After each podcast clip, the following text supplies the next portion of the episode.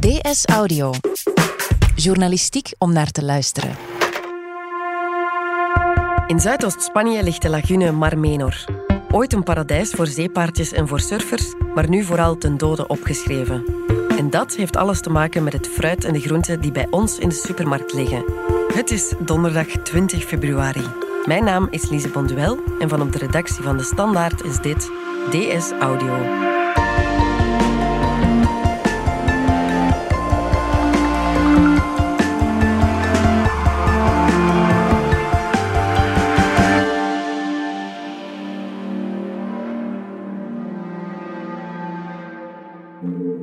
Menor vroeger moet een uh, fantastisch idyllische plek geweest zijn. Het ligt vlak aan de Middellandse Zee. En het is een zoute lagune, een heel groot zout meer van 170 vierkante meter. Het is het uh, grootste zoutwatermeer in, in Europa.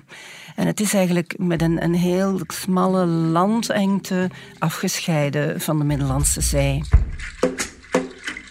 Um, aan de ene kant heb je stranden en aan de andere kant allemaal flatgebouwen, toeristische hotels, zwembaden. Er heerst een microklimaat, dus het is zowel winter en zomer zijn daar heel aangename temperaturen. En ook een heel leuk ding voor toeristen daar is dat er geen getijden zijn op het water.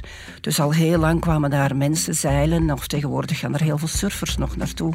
Ik heb uh, daar met een surfer gesproken en die zei tegen mij, het was een Engelse, it's the most wonderful place to, go surfing in Europe. Het is de ideale plek om te overwinteren voor veel mensen. En, en vroeger was het water uh, kristalhelder omdat het helemaal is afgesloten, uh, heeft het een eigen biotoop kunnen ontwikkelen. Dus de mensen konden heel lang bijna tot, tot op de bodem zien. En dan hoor je toch de oude garde vertellen over zeepaardjes en, en, en vissen en zo, die nu wel verdwenen zijn. 12 oktober 2019, dus nog niet zo lang geleden, toen merkten de mensen uit de omgeving dat er iets uh, fundamenteels fout was. Ja, dat moet schrikken geweest zijn hè, voor iedereen die daar woonde. Want um, een paar weken tevoren was er een zware storm geweest en die had uh, het water van Mar Menor door elkaar gewoeld. En alle vissen die uh, op een bepaalde diepte in het water leefden, die, uh, die hadden niet meer genoeg zuurstof, dus die zijn allemaal gestorven. En dus de stranden die lagen vol met vissen, tienduizenden vissen. Afschuwelijk, dat was gewoon één grijze, dode, glimmende vissenzee. Ik, ik heb met een, met een meisje gesproken die met haar ouders was gaan kijken naar al die vissen, die dode vissen die er lagen. En zei, het was verschrikkelijk, ik heb gehuild. En heel veel locals die, die stonden echt te huilen, want die dode vissen, dat was voor hen het teken dat het grandioos aan het fout lopen is met Mar Menor.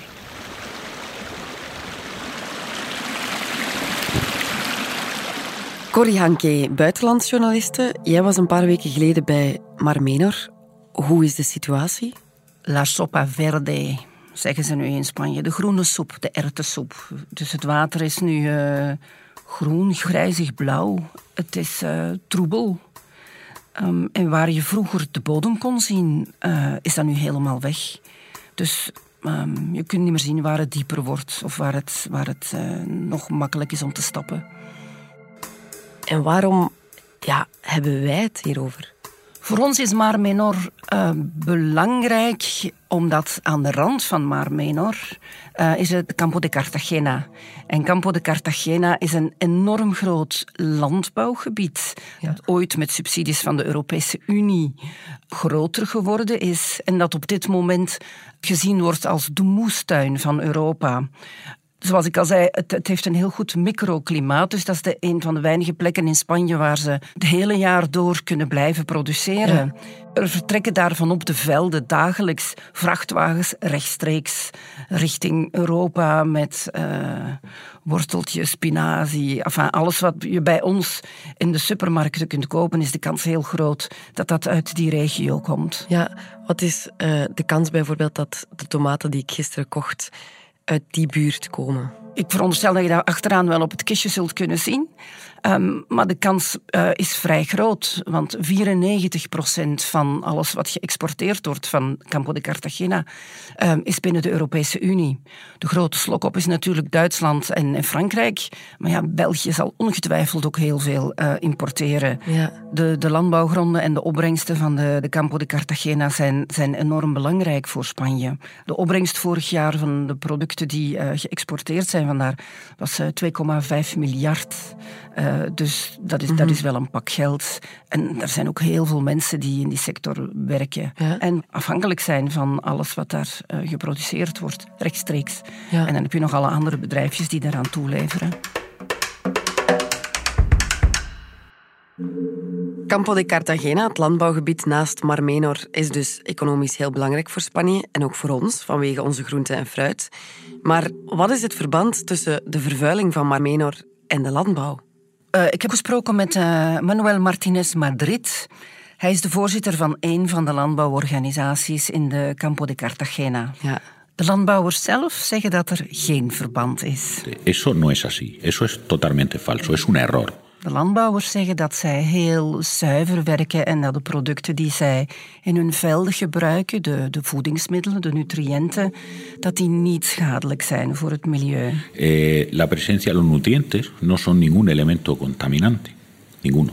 Milieujongens, ecologisten, die zeggen dat er wel degelijk een verband is. Ze wijzen er ook op dat er nog een aantal andere factoren zijn, zoals het toerisme of, of rioleringen waar de waterzuivering niet goed genoeg verloopt. Maar de milieujongens zeggen de grootste oorzaak is inderdaad uh, de nutriënten van de landbouwers. Die de boeren op hun, op hun velden spuiten om, omdat die velden optimaal moeten kunnen, kunnen renderen, kunnen werken. Dat die via de grond doorcijpelen um, in, in het grondwater, dat dan zo in het water van Mar Menor terechtkomt. En die nutriënten die voeden dat water eigenlijk, waardoor er steeds meer algen opkomen. Ja. En wat er een aantal jaar geleden bijvoorbeeld gebeurd is, is dat die algen bijna een deken gevormd hadden op Mar Menor. Waardoor het zonlicht niet meer tot beneden kon en dat de planten die beneden stonden op de bodem van het meer, dat die gewoon allemaal afgestorven zijn. En het zijn ook die planten die net de nutriënten vasthouden of het afval vasthouden en de boel zuiver maken. En als die weg zijn, ja, dan gaat het ook allemaal in dat water. Ja. Nutriënten zijn zouten, dus dat betekent dat die nutriënten ook het zoutgehalte van het water verhoogd hebben. En ik heb met een visser gesproken en die vertelde mij, um, je merkt gewoon dat de afgelopen jaren de visvangst veranderd is. Nu vind je in Mar Menor vissen die zouter water verkiezen. Dus bijvoorbeeld de opbrengst van de doraden is enorm gestegen, van de langoustinen is gestegen, van de haring. Terwijl de, de, de, de, vissen die er vroeger waren, en hij noemde dan mul of zandsteenbaars, uh, die zijn verdwenen. Ja. Maar op dit moment zijn heel veel vissers wel tevreden, um, omdat de opbrengst van die vissen die nu goed verkocht worden, um, dat die zo hoog is in, in Mar Menor. Is de situatie dan erg? Want op zich ja, is dat niet gewoon een verandering van ecosysteem? De biologen met wie ik gepraat heb, um, die zei, ja, dat is natuurlijk een verandering van een ecosysteem. Alleen gaat die verandering er wel uh, in eindigen dat Mar Menor dood gaat gaan. Mm -hmm. Volgens die biologen, als nu niet snel wordt gestopt met de toevloed van de nutriënten uh, in Mar Menor, dan binnen enkele jaren uh, gaat het water dood zijn en dan gaan er geen vissen meer zijn. Ja. En dus dat uniek ecosysteem uh, is, is dan verdwenen. Je hebt daar ook gesproken met een ecoloog. Ja, Pedro Nueño, een man die werkt voor de organisatie Ecologistas en Acción.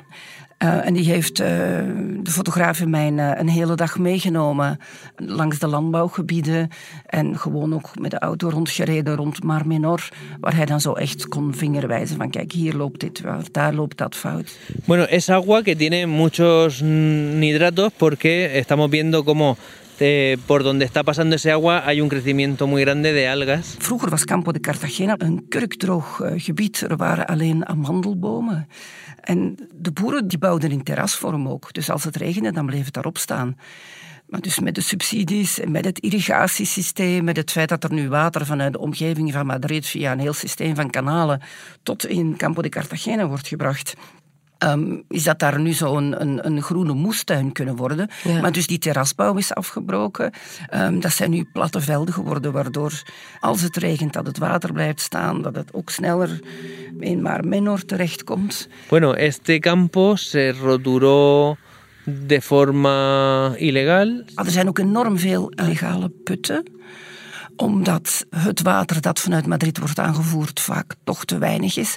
Dus heel veel boeren hebben dan maar op eigen houtje putten eh, gegraven. Dat grondwater is te zout. Ze ontzilten dat water. Dan maken ze bij wijze van spreken een emmer met goed water voor het veld en een emmer met slecht water waar het te veel aan zoutwater in zit.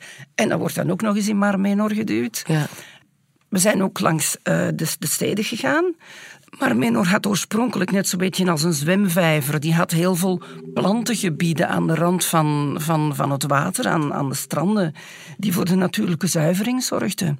Ofwel is de landbouw daar tot, tot aan het water gegaan, ofwel heeft de toeristische sector en de urbanisatie, die, die hebben daar nu gebouwen gemaakt tot aan de rand van het water, waardoor ook dat natuurlijk zuiveringspatroon helemaal eh, afgebroken is. Ja.